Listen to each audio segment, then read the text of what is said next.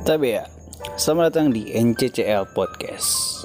Podcast yang bercerita tentang subkultur Sulawesi Utara hari ini Persembahan dari Nerd Celebes Creative Lab Di kota Manado ini banyak banget orang-orangnya dan kita ketemu banyak orang dari mulai musisi, seniman pelukis dan ngomongin soal dancer di Manado tuh banyak. Dan ini ada Debotse. Apa kabar? Sangat baik. Sangat baik. Tunggu tunggu, Debotse itu ngana nganape nama IG Debotse uh, sebenarnya nganape nama asli atau kenapa ngana pakai Nggak. nama itu? Kita punya nama asli itu Deborah. Deborah, Deborah Botse. Enggak, Coba bisa ceritain dikit? DP asal usul. Botsey. Sebenarnya dulu kita punya nama IG Botsey. Itu kayak AKA. Oh. Mau tahu lah DP. Boleh boleh Oke, sedikit oke. ya sedikit cerita. Botsey itu sebenarnya dulu 2015 kita pernah skin rambut botak samping. Serius kan? Iyo, itu 2015. Oh enggak, 2000 2000 sebelum 2015 deh, 2012-an pas kita masuk SMA. Oke. Nah, itu gara-gara kita ada bacet rambu, highlight Mhm. dumlang highlight kuning. Kon tapi guru dapat lihat Itu masih Nah, masih sekolah ya? masih sekolah. Jadi kita mau coba sembunyi mar kayak susah dang gara-gara emang besar. DP rambut dia besar dang. Jadi eh, tapi guru dapat lihat pas pagi-pagi itu mau masuk upacara, dia langsung main gunting. Iya. Nah, begitu. Jadi bagaimana kita juga Botse, kayak botak botak sei makanya itu. Jadi kita pikir Deborah mana? Deborah botak se. Oh, botse. makanya itu makanya kita Oh. eh oke deh jadi kita gunting dan pertama kali kita pangkas itu pertama di salon cuma dorang kayak kurang mengerti sih Hmm. sama guntingan-guntingan begitu dan 2015 itu pertama kali kita kenal Fonet Oh, Fonet eh, pakai Glenn eh, Fonet Barbershop. dan kita request kak boleh ndak kalau misalkan kita mau pangkas tapi rambut sei begini dan dia no pertama orang yang gunting tapi rambut And then yang eh, di barber botse. Dan itu dan menjadi itu botse itu datangnya dari kita petamang dia bilang ih botse botse ah botse maksudnya botak sei rupa bagus juga ya akhirnya itu jadi dengan nama panggung. makanya AKA That's it. The Botse. botse ya. Oke, ini yang kita tahu Ngana ini kan dancer ya. Hmm. Eh, dancer. Ngana juga pernah mewakili beberapa daerah untuk kejuaraan dari mulai lomba-lomba ya, Yap. korporat sampai memang lomba memang skala nasional juga ada ya. So, ka- kali ini kita ngomongin soal being dancer in this Manado, kayak dance life in Manado. Hmm. Kayak itu. Sebenarnya kita mau tanya sendiri di Manado sendiri itu ketahuan kan antara dance eh, tarian tradisional masih jelas ada kayak ke kebasaran, masih mas eh, terus kayak apa tuh yang Mas Samper ya, bukan segala macam. Eh bukan Mas Samper ya, apa sih tarian-tarian daerah juga tarian-tarian yang memang sudah dari dulu sih Yang saat- tua-tua yang udah dari dulu ya kan Iya. budaya-budaya Manado banget, budaya-budaya Sulawesi Utara. Nah, kalau nggak kan lebih ke urban ya, urban dance Nah. begitu. Nah, itu di Manado sendiri dari menurut Ngana dan dancer sendiri di Manado itu udah ada dari sejak kapan? Terutama untuk Ngana buat saya karena kenal dance itu belajar ngedance itu dari kapan? Apa gara-gara nonton film Just Dance atau Step Up? personal personal kita sih maksudnya kalau dance itu setahu kita Solama dari Manado itu tua-tua sih Oh gitu. Eh, kita pertama tahu dance itu waktu kita belum jadi seorang dancer itu 2015 ke bawah kita kenalnya anak-anak Rejaski Rejaski. Oh, Rejaski itu iya, dorong iya, selama iya, sekali iya, iya. Rejaski But itu apa? Mereka mereka modern dance, Dorang- hip hop dance, b-boy, or- Rejaski itu yang kalau kita tahu sih dorang b-boy lebih ke b-boy semuanya b-boy b-boy. Hmm. Kalau nggak ada? kalau oh, gimana eh, kita dancer Mar dance itu kak sudah dikategorikan Nah sekarang. itu, maksudnya kita kadang-kadang karena persepsi orang-orang ya, kalau Ah. misalnya nggak lompat-lompat, jungkir-jungkir balik, kaki susah ke sana Ya. kemari, wih, freestyle dance kah, Hmm. b-boy, kalau cuma joget-joget biasa, robot-robotik, oh dancer, terus sampai ada istilah-istilah K-pop dance, terus sebenarnya dance dancing itu tadi nggak bilang ada kategorinya apa aja tuh, yang sepengetahuan kan? Eh, maksudnya dance eh, dance ini apa ini Iya, apa tadi ini kan apa sempat bilang tuh Hmm. seperti itu. kalau kalau menurut kita sih setahu knowledge-nya kita sendiri kalau dance itu b-boy itu orang itu dancer semuanya dancer Oh semua bilang dancer Hmm, tetap, cuma cuma eh, kalau sekarang sih sudah mengkategorikan di mana b-boy itu kalau orang awam dan umumnya itu ya dorang tahu yang suka main-main di lantai suka kayak eh, dance yang lebih ekstrim Nah, Mhm. dibandingkan torang, seorang dancer yang sudah dikategorikan juga dalam beberapa genre kayak hip hop, popping, locking, sama dance-dance ya kayak kontem begitu, masih banyak DP akar-akar. Nah, jadi Hmm. B-boy sama torang itu sebenarnya beda, cuma kita itu tetap sama-sama seorang dancer. Sama-sama Jadi seorang di- dancer. Cuma dikategorikan secara beda. Secara Nah, jadi- gerakan kah? By dari gerakan, Ah, the move bisa juga secara gerakan begitu. atau musik? Musik sebenarnya random sih sama. So kebanyakan kalau musik itu lebih terkontrasi lebih ke dance funk sama hip hop itu beda sekali DP lagu. I see. Nah, kalau hip hop Kak tahu eh, apa Kak pasti tahu dong. Iya, iya, lagunya kayak old school, Iya, iya, beat-beatnya iya. itu yang gampang. dups. ah, kayak iya, gitu. iya. Kalau funk itu lebih ke disco-disco tahun berapa ya dulu-dulu. Oh, I see. yang disco-disco Oh, kayak iya, I gitu. know, I know, itu I know. funk. Bukan disco tanah ya. Bukan. Eh, nah, Ngana sendiri eh, belajar dance itu dari kapan? Dan kalau boleh tahu, kia apa Ngana kira menjadi ah, I'm, I'm dancer. Eh, kenapa itu? Hmm, kita dulu dance belajar dance itu sebenarnya dari SMP. Dulu itu kita seorang shuffler. Every day I'm ah, shuffling, ding, ding, ding, gitu. iya. Dan kita dulu itu so sebut tapi diri dancer sih karena kita juga menari. Ya walaupun dulu sebenarnya itu shuffler itu banyak yang tidak disukai orang juga Musiman sih. tentang tuh itu. Hmm, musiman. Ah. Cuma gara-gara lagi hype-hype-nya Iya, di iya, luar Iya, iya, iya. dan di sini kayak terbawa arus down Ah, ah. begitu. Dan kemudian pas kita masuk SMA akhirnya kita mulai berhenti nge-shuffle dan situ kita masuk untuk seorang dancer yang DBL anak-anak SMA. Oh, gitu. Nah, DBL. Dan di situ kita pertama kali kenal sih kita pe coach itu Kak Michael sama ada yang namanya Ray. Oi. Nah, dorang itu sebagai orang pe coach, dorang mengajarkan empat orang, mengajar sebagai guru DBL begitu, coach untuk orang PDBL. Hmm. Dan akhirnya 2015 kita masuk pertama kali kita pe one and only team UX Crew. UX crew. UX Crew di situ akhirnya kita kenal Kak Tian. Itu yang kasih kenal kita itu Kak Rio yang bawa audisi. Ih, I see. Dan akhirnya sampai sekarang masih UX Crew. Eh, sorry, kalau kita tahu Ngana kesibukan sekarang apa? Kerja kah, kuliah kah? Kita Masih lagi kuliah? pengangguran, pengangguran yang produktif lah. gitu. Tapi I mean, berarti tentang sekolah lu udah kelar dong? Udah.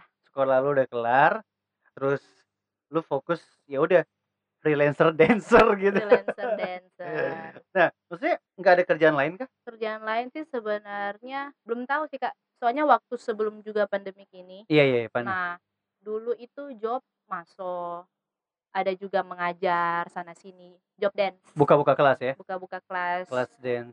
nah soalnya kan pas lulus kemarin itu masih belum tahu mau kerja di mana so ada rencana cuma pas baru mau mulai-mulai kayak melamar begitu ada aja halangan yang kayak ini Bencana ini, begitu. Oh.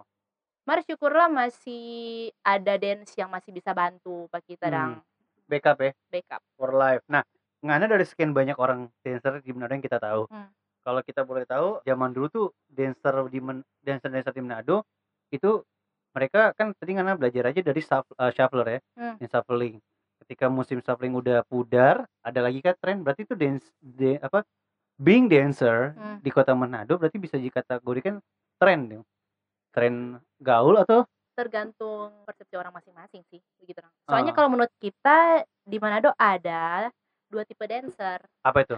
pertama dancer yang hanya panas-panas awal tapi itu langsung Oh, mati. Iya. ada juga dancer yang memang dia ingin mau jadi seorang dancer dan dia tekuni terus sampai emang puas aja begitu kalau rupa eh, contohnya begini kalau misalkan kita dari awal cuma panas-panasan ingin jadi dancer Hmm. pasti cuma kayak Iko-iko rame bahasa Manado "Heeh, bilang. satu tahun begitu paling langsung berhenti so malas badens karena aduh tidak cocok kotek kita di situ atau mungkin ya karena emang DP musim-musim contohnya kayak shuffle begitu so mati ya udah Oke. orang juga mati nah kalau kita sih merasa kita lebih ingin memang tekuni sekali Hmm. ini sebagai kita pe hobi profesi menjadi seorang dancer karena kita juga bisa ambil DP sisi positif untuk menjadi seorang dancer itu kayak Apa apa, sih sisi positif selain kesehatan? Karena badan lu bugar. Ya, pasti Ya. itu. Sisi positifnya sih apa ya? Kalau menurut kita sih orang diajarkan Selain kayak gerakan-gerakan ya? berpikir, berpikir. Nah, berpikir untuk menjadi seorang pengajar yang ingin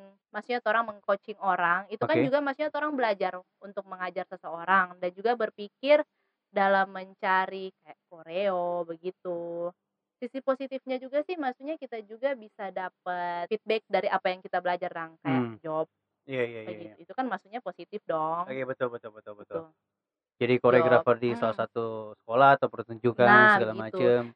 dan otomatis maksudnya kalau mau bilang juga untuk famous ya pasti kita juga nggak bisa pungkiri kalau misalkan kita ingin jadi seorang dancer pasti dong mau famous kayak gitu gila. dong kalau misalkan menurut orang lain kita nggak tahu sih maksudnya bagaimana orang persepsi begitu jujur ya kita awal-awal bah pikirnya sih kayak aduh suka ya kalau mau jadi dancer itu top maksudnya dikenal banyak orang Emang dulu kau jadi dancer di Manado dulu ya dulu ya sebelum ngomongin yang dancer yang sekarang.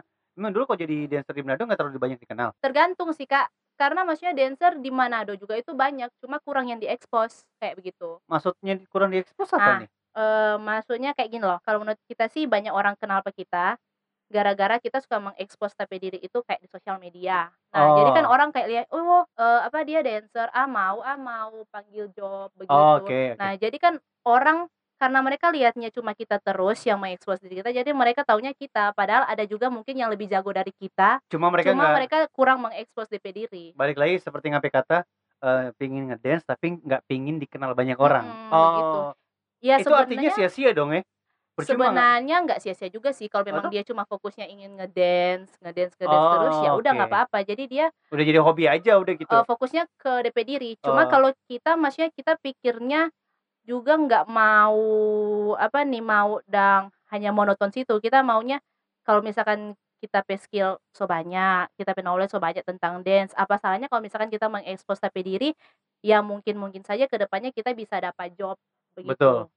baru kita juga memperkenalkan tapi diri mungkin eh, ke tim-tim lain atau misalkan kayak gini kayak gini begitu dong Kak. maksudnya orang ambil sisi positif dari being famous gitu dong Ah. jadi dancer Nah. mendapat hal-hal positif dari job atau apa Eh, ini pertanyaan memang agak sedikit basi sih Nah. ya. Cuma tuh real life nya ironisnya seperti itu kan.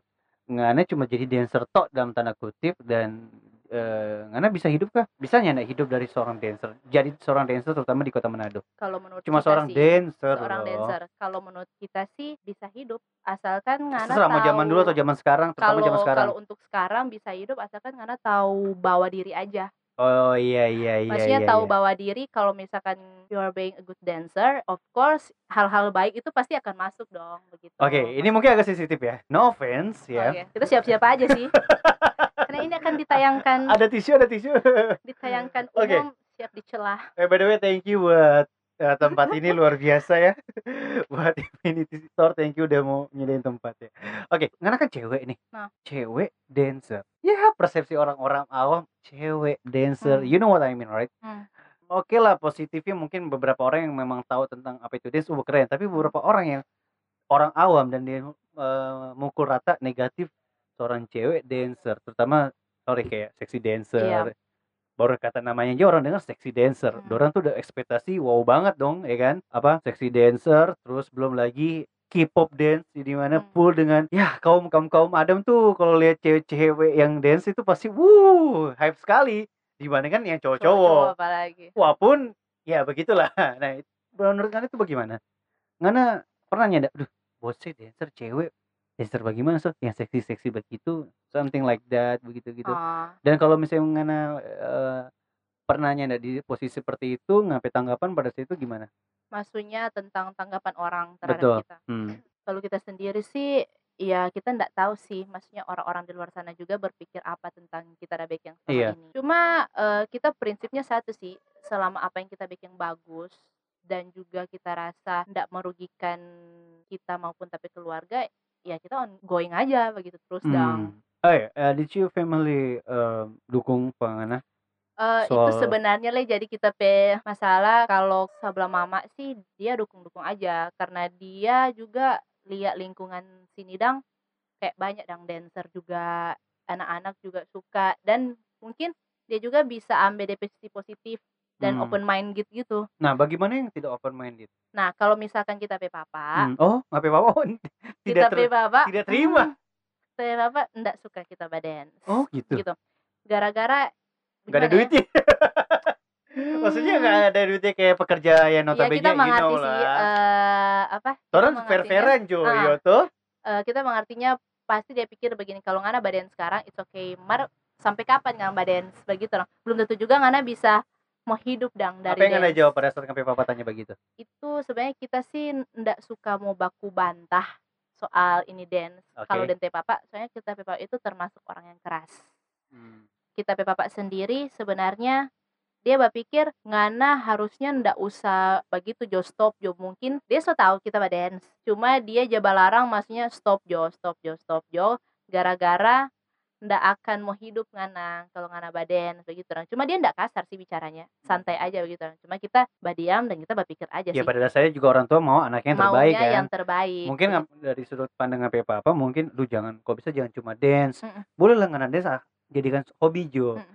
maksudnya ngana mesti ada pekerjaan tetap sehingga ya untuk bisa menghidupi ngana sendiri. Mm. Nah, mungkin seperti itu kan. Dan terasa itulah yang dialami beberapa beberapa, orang sih terutama di pekerjaan notabene dance seperti itu. Mm. nah yang kita mau tanya sekarang yang tadi balik lagi ke soal-soal kayak istilah sexy dancer lah K-pop dance segala Hmm. macam itu mana lebih kalau di Manado sendiri lebih banyak pelakunya pegiat dancernya atau lebih banyak penontonnya? Terutama dancer dancer yang tertentu. Banyakkan pelaku atau banyakkan penonton? Iya. kalau pelaku eh, kayak lu kayak kayak Ngana kan pelaku pelaku dancer di Hmm. Manado. Balance deh kayaknya. Balance? Ah. serius? Soalnya menurut kita dancer Manado kayaknya so banyak deh serius? Banyak. Cuma banyak. kalau dulu kuak kak banyak. Cuma nanti pas air-air ini mungkin dorang so kayak "Ah, malas. Latihan Oh. mut-mutan begitu. Cuma Oh, maksudnya dancer pada umumnya banyak di Manado begitu. Cuma yang kayak iko-iko event beraktivitas masih layaknya seorang dancer so kurang sedikit. Oke so ya. nggak banyak. uh, dance live banget ya udah kurang Hmm. sedikit ya. Alright nah berarti penontonnya banyak pelaku juga banyak berarti uh, di Manado sendiri kalau prospek yang menjadi dancer masih bisa dong ya? Masih bisa sih sebenarnya. Contohnya Ngana tuh hmm. Ngana pernah dikirim ke mana aja gara-gara dance? Ayo ini Medan. momen Ngana bah sombong silakan. Betul. Medan eh, kalau Medan itu memang torang menjadi atlet, atlet dancer. Ya gokil. Ke Medan. Bawa nama Cuma- daerah dong. Iya, cuma kadang orang yang membawa diri sendiri ke Ah. Jakarta, Bandung itu orang pribadi sendiri kayak, eh, eh, apa pribadi sendiri beda dengan orang yang kirim empat orang gitu. Oh. nah sejauh ini kerjasamanya gimana lebih banyak kalian masing-masing Oh. dancer Kalau mau bilang sih lebih banyak orang yang jadi pergi kayak ikut-ikut event, orang yang pergi bawa diri begitu, oh mensupport event dang di luar Manado. Nah kalau misalnya dari segi pemerintahan di daerah di Manado pun perhatiannya ke kalian tuh bagaimana? Menurut Cukup, kita? iya, cukup, sangat tidak cukup atau sangat-sangat cukup. Perhatian pemerintah. Iya. Hmm, Artinya gini, dari mungkin sarana ke tempat kalian sarana umum tempat latihan atau mungkin eh, kalian aktif banget diperlibatkan dalam nggak cuma lomba aja nggak cuma lomba doang tapi kayak mungkin workshop ke maksudnya utusan dari Oh, Manado untuk ikuti luar. workshop di luar gitu-gitu aktif gak sih? Kalau perhatian pemerintah sih ndak selalu. Cuma mungkin kalau misalkan ada event-event besar yang ada sangkut pautan pemerintah, kayak baru-baru di Spora. Oh, oke Nah, dorang di ada Sepura Manado. Uh-uh. Oh. Di Spora dorang kan ada kejurda, kejurnas, Oh. nah kejuaraan nasional, kejuaraan daerah itu kan. Yang waktu itu kalau ndak salah kita waktu ke Medan itu kejurda apa kejurnas? Ya pokoknya begitulah ya, pokoknya kejuaraan Nah, nasional lah ya. Nah itu. Terus juga sesudah kita ada juga yang udah berangkat itu ke mana tuh kita selalu lupa itu Dora. Ada sampai ke luar negeri gak? Kalau itu kita kurang tahu sih. Soalnya kita cuma tahu yang berhubungan sama torang sih yang, yang Oh, iya, eh, iya, apa yang iya. pakai tapi circle. Ah, ah, ah, ah. Kalau torang baru-baru kalau kita waktu itu ke Medan Oh. dikirim. Itu gimana pengalaman di Medan? Asik sih. Soalnya itu pertama kali kita ikut Itu cuma ngana sendiri buat saya itu ada teman-teman lain. itu tim. Torang kita torang ada tiga tim sama B-boy. Oke. Ada tiga tim sama B-boy itu torang dikirim bawa nama Sulut. Gokil. Di Medan. Bawa nama Medan. seluruh Sulawesi Utara. Nah, iya melawan beberapa provinsi di Indonesia. Iya, iya soal menang kalah itu kita nih mau pertanyakan Oke, karena itu ya menang kalah wajar namanya kejuaraan. Siap. Yang penting experience betul. eh, kalian sampai Pengalaman ke yang Medan. kita dapat sih lumayan. Oh, lumayan lah itu bisa buat tambah-tambah foto di feed Instagram ya lagi di Medan. Betul sekali. Tahu sekali Kang. Oke, so much fun tadi kita dengar Nganape cerita soal being dancer di Manado, di kota Manado berarti banyak sisi-sisi positifnya ya. Hmm. Tapi di podcast ini kita nggak mau cuma ngomong-ngomong soal yang bagus-bagusnya aja. Di dalam podcast ini kita mau the other side of story being dancer Hmm, di Manado, terutama bagian negatifnya. mm-mm. ya kayak pertanyaan suka duka jadi dancer di Manado seperti apa lah. Tadi kita udah banyak ngomong soal sukanya, sekarang let's talk about dukanya menjadi seorang dancer di Manado. Budget Duka. kecil. Masih kan seperti itu? Cuma dansa kok lima menit eh minta mahal-mahal mau nih eh. Cuma gerakan kiri kanan kiri kanan eh minta mahal-mahal. Masih Hmm. seperti itu kak? Jujur aja. Masih, Masih. masih ada. Dan Ngoni terima. Oh, kalau kita sendiri sih Nah, tidak. Nah, sekarang pertanyaan kita, Ngana ada idenya enggak selaku Ngana dancer untuk mengedukasi orang-orang dance tuh nggak semudah apa yang Ngoni pikir.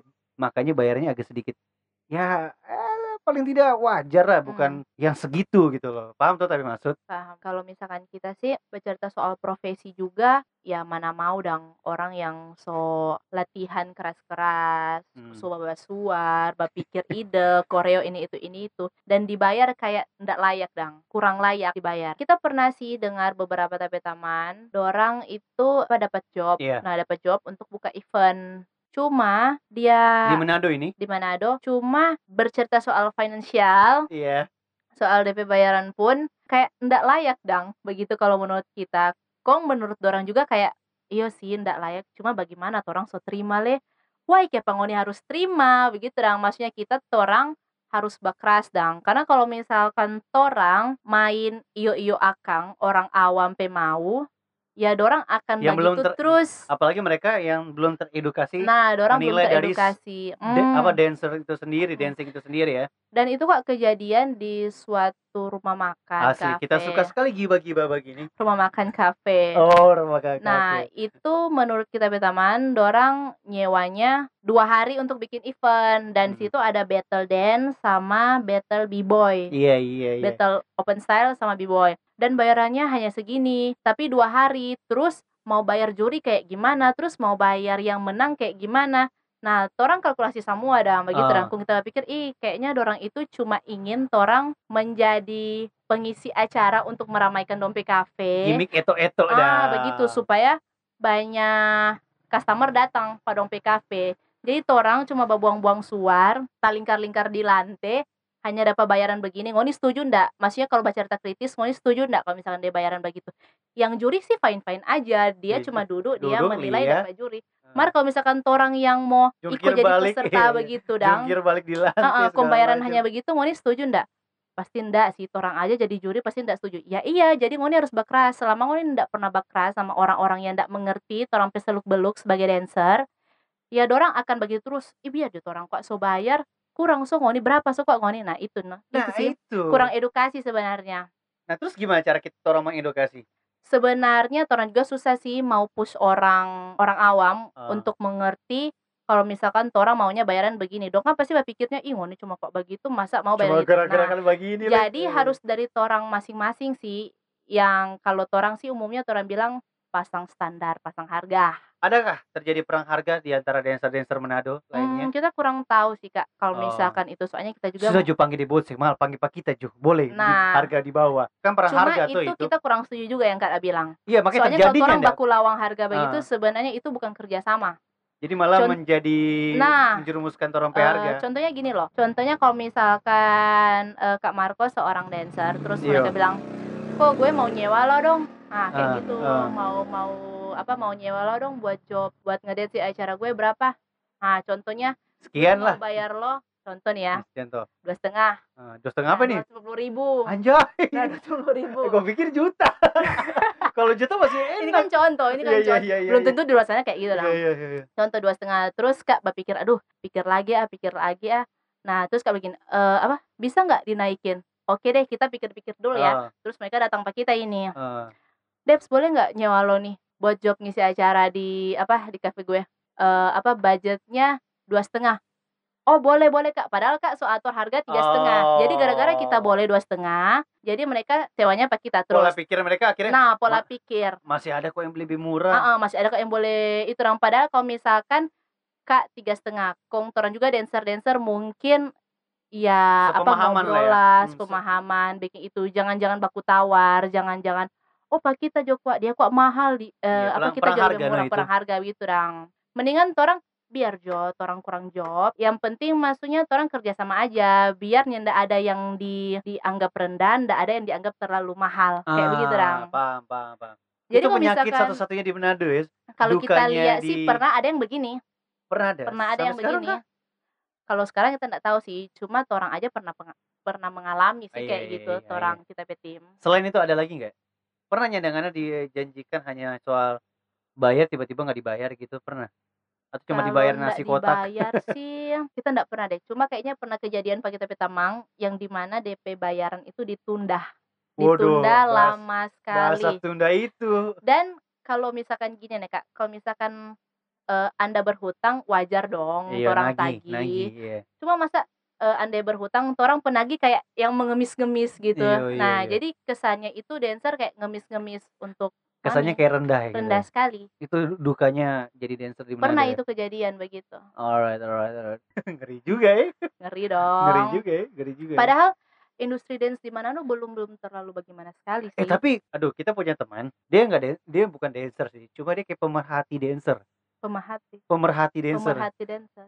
Maksudnya pemerhati dancer cuma suka nonton dancer doang, tapi nggak Ah, kan ada orang yang contoh kita suka denger musik, malah kita Hmm. nih main alat musik, ya. Ada yang eh, dia suka sekali nonton dance Ah. ya, eh, acara-acara dance atau dancing dancing di YouTube dan lain segala hal, tapi dia bukan seorang penari atau dancer. Karena bilang tadi di industri dancer di Manado tadi nggak bilang apa? Sedikit. masih belum sebesar kayak Jakarta. Oh, sebesar kayak kota-kota lain. Hmm. What about K-pop? K-pop terasa ramai sekali kalau di Manado. Ngomongin soal K-pop dance, wow. Angkat Eh, tangan kita memang banyak. Maksudnya kayak begini ya. eh, kita tahu ada sih salah satu yang so buka kelas eh, sekolah dance begitu. Oh, di Manado ada? Yang itu kita tahu kerjasamanya yang coaching itu Kak Muce. Kita betamang Kak Muce. Muce. Nah, oh. eh, apa dorang itu so berjalan DP kelas dance tiap hari ini, hari ini. Jadi masuknya ada sangkut paut juga sama bisnis begitu. Oh, nah kan dance itu kan gerak ya. Ada beberapa di daerah di Sulut yang Car Free Day. Tiap pokoknya setiap Car Free Day eh, ada satu dia ya udah joget-joget yang Sumba. iya. Gitu. Sumba. Kayak gitu loh. Sumba itu sih Zumba itu DP gerakan mirip-mirip atau juga gimana? ngedance sih. Cuma Ah, bagaimana ya kita juga enggak terlalu tahu sih Kak apa Sumba itu kayak apa bagaimana. Cuma ada beberapa DP gerakan ya emang kayak eh, kayak gerakan-gerakan yang biasa dancer lakukan emang begitu cara jadi seorang dancer dinilai ah ngana itu dancer. Sama hanya sekedar ngana melakukan gerakan. Hmm, itu juga kita kurang Sepengetahuan ngana aja deh bos. sepengetahuan Jadi kita. dancer itu kan ya kayak orang begini aja set udah dance kan So mengaku dancer lah begitu. Ah, iya enggak sih enggak sih seorang penari. Sebenarnya kalau misalkan Kak badens biasa, Kak juga itu sedang menari. Cuma Oh. maksudnya kalau menurut orang, orang belum memposisikan Anda itu sebagai seorang dancer. dancer penari maksudnya cuma beda nama beda nama beda kan bahasa Inggris, ke Indo gitu. Iya. Dancer, penari. Maksudnya kalau Kak badens biasa itu marka bukan seorang dancer pada dasarnya. oke Ya orang tahu itu Kak sedang menari. Cuma kalau menurut kita, Ah, apa menurut kita ini ya, apa Kak itu belum belum menjadi seorang dancer. emang kalau menjadi seorang dancer gimana mesti banyak piala-piala lomba kah nggak ada sih. Ya memang orang terjun di dunia dance. Anda harus mengetahui seluk-beluk dance. Anda harus belajar tentang dasar dance-nya tersebut. Baru oke kita jadi dancer sekarang begitu. Kalau kalau misalkan kita mau bilang sama orang yang badance itu dancer, oke berarti yang yang sementara basumba itu dancer, yang sementara badiskotana itu dancer. kan nggak mungkin gitu loh. iya iya iya iya Oh, Gitu. oke oke oke mulai paham kita Hanya DP cara apa ya? Mengkategorikan seseorang dong. Oh kalau dan makanya nggak bilang tadi memang kalau ingin benar-benar jadi dancer ya memang geluti betul-betul jangan Hmm, harus cuma memang masuk ke dunia dance. jangan cuma panas-panas apa tadi Hmm. panas-panas ya panas-panasan Sama kayak begini loh. Kalau misalkan melukis nih, kan beda seorang pelukis dan orang yang hanya melukis biasa. oh iya iya Begitu, betul betul betul Gitu betul loh ya. maksud kita. Alright. Oke, di sisa menit terakhir ini eh, kita mau tanya terutama for ngapain pandangan sendiri buat saya. Hmm. Apa sih arti jadi seorang dancer? Jadi seorang dancer buat kita. What's the meaning about dancing? Being a dancer. Nari itu apa sih sebenarnya? Menurut Ngana ya? Eh, Luas sih kak. Ngana kan Kadang Ngana kan sekarang dancer. Hmm. Yes, you are dancer. kalau dance itu sebenarnya kalau mau bilang juga Menurut Ngana Junyo sama menurut kitab dari mana? Tuh menurut kita, menurut kita. Kalau misalkan menurut kita dance itu eh apa ya kalau mau bilang juga sebagai kita pe hobi kayak lebih dong dari hobi begitu. So, Kayak lebih hobi. Jadi mau alay-alay dang DP apa DP kata-kata Soalnya kan sekarang di apa kita tidak bisa hidup tanpa dance begitu dang Oh. Hmm, begitu kalau DP kata alay dang Hmm. bisa hidup tanpa dance So, mau mati Jadi kayak jadi, gitu dang jadi dance itu emang udah hidup lu banget ya. cuma kita pernah loh ada sa- apa satu kali kita kayak rasa Jenuh? mau dance pernah Oke. Apa, karena kalau menurut kita sih tidak mungkin kita kalau ini menurut kita sih pasti suatu saat ada orang jenuh mau dance mar bukan berarti orang ingin berhenti untuk badance Oh, mungkin lebih take a break. Mm-mm. Eh, untuk istirahat dulu cuma lama-lama kayak aduh kita nggak bisa no Kira- eh kayak Ngana, apa ya, kayak berarti Ngana so, pernah mencoba di fase seperti itu ya? so pernah Fase, Kak. ada so pasti di dance. kayak bagaimana DP mood memang lagi ndak ingin mau badan sama sekali dan itu dalam jangka waktu lama sih sampai kadang jujur ini sampai kadang pernah orang mau latihan tim kita saja kayak aduh kita ndak mood sekali badan tapi ya udah kita push tapi diri untuk tetap latihan latihan bareng tapi tim Itu Untuk gimana latihan. latihannya? Ketika orangnya mood, pikirannya di badan, nah begitu no Tiba-tiba Eh, paksa apa dance. memang ya udah push push aja cuma kalau memang orang betul-betul cinta dance sih sebenarnya langsung mau dapat kok DP mood itu cuma memang orang pola pikir aja yang yang ngatur kayak aduh kita lagi jenuh tak malas mau dance mood tuh kayak break sebentar Mm-mm, ya. cuma begitu cuma butuh istirahat sedikit. Soal jenuh, pada saat Ngana jenuh di dance, Ngana mencoba hal yang lain atau nggak cuma paksa-paksa terus? hal lain sih kalau misalkan memang kita lagi bosan untuk badance ya cewek apa teh? Mbak Uni. Dan kita juga suka bergambar jadi mungkin kita bergambar tuh menyanyi Oh, berarti do, do mencari something ya. aja do something else gitu ya eh, selain dance supaya menimbulkan rasa kangen untuk ngedance lagi. Hmm. Nah, ini kan lagi fenomena dance dance di aplikasi yang inisialnya Tik dan Tok TikTok. ya. Oke, TikTok. Itu gimana nggak menurut Ngana seorang dari sudut pandang seorang dancer dengan fenomena fenomena fenomena challenge challenge dance TikTok itu gimana? Menunjang sebagai dancer atau gimana? Karena serentak tuh orang-orang kalau lihat tuh Orang-orang jadi dancer Jadi- semua ya. nah nah nah nanti ya you know lah itu momennya kah atau Sebenarnya kita juga kalau mau bilang bukan orang maksudnya kalau mau bilangnya enggak suka TikTok ya enggak sih. Cuma Tapi itu membantu kan orang-orang jadi eh, cuma apa enggak ingin aja sih mau kayak mau jadi tiktokers memang bukan siapa soalnya bertanya bukan jadi Enggak, maksudnya tiktokers Jadi Ah. jadi jadi jadi kita mengalirkan dulu Iya, begitu ah. orang. Cuma ketika kita lihat orang-orang ja apa badens di TikTok begitu ya eh, apa pernah kita begini. Ih, karena ada potensi kayaknya ini mau jadi dancer begitu dah, ada potensi begitu dah. Cuma kayak harus diasah begitu. alright nah ngomongnya soal potensi menjadi dance eh penari ya bahasa Indonesia eh, eh, butuh bakat atau memang dilatih yang mana, mana yang mana Hmm. penting Bakat dilatih. A yang sangat bertalenta sekali di dance atau B yang tidak punya bakat tidak punya talent di dance tapi dia latihan-latihan terus Kalau dalam menurut dunia kita dance sih ya? Dalam dunia dance sebenarnya enggak apa-apa sih itu dua. Kalaupun dia juga enggak punya bakat, kalau misalkan dia niat untuk mau ingin menari untuk menjadi seorang dancer, bagus karena dia punya niat.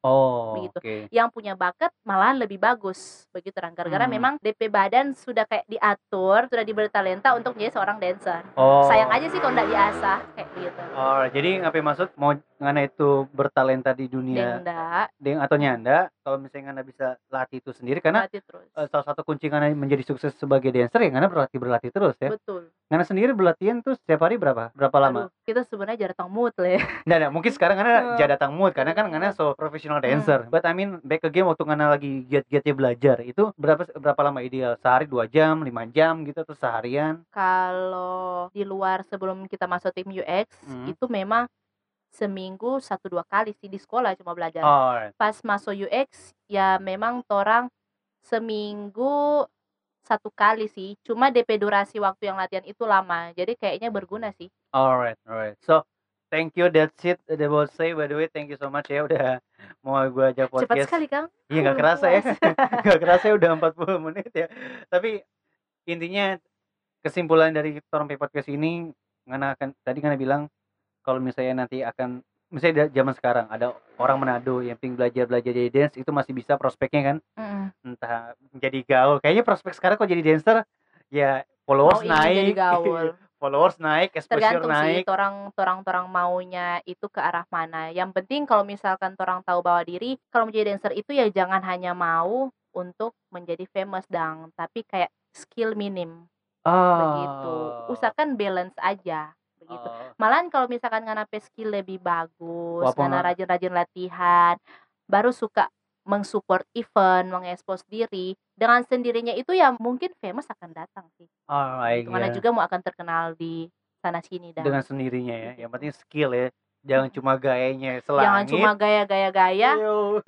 cuma sampai di gaya. cuma, cuma sampai begitu iya. dah. Mau DP skill Hmm. begitulah ya. Karena kan banyak tuh yang cuma untung-untung di gaya, mar serta ini kayak "Ah, gaya kok teh. Iya Kayak gitu. ampun. Ya, well thank you so much deh bosnya. By the way kalau misalnya kalian penasaran atau pengen hubungin kontak langsung, mungkin kalau misalnya Kak boleh ngajar patoran di sini langsung aja di DM Anjay. Instagramnya apa? The one and only At Debotse. Debose. Ada lain kah selain itu? Debotse aja. Debose aja ya. Debose aja. Instagram aja ya. So once again thank you so much ya Debose udah mau mampir di podcast ini. Makasih buat teman-teman yang udah dengerin dan mohon maaf orang pemberitaan tadi memang tidak ada naskah sama sekali dan mohon maaf bila ada yang tersinggung terutama tadi Nah, mohon maaf kepada para viewers Ya jikalau ada sesuatu yang mungkin kita salah baca cerita karena ini sih sebenarnya langsung dari kita pe lubuk hati sih kita baca It's cerita. okay, it's okay, it's okay. Well, thank you so much. My name Marco. Gue Debs. We are out. Bye bye. See you next week.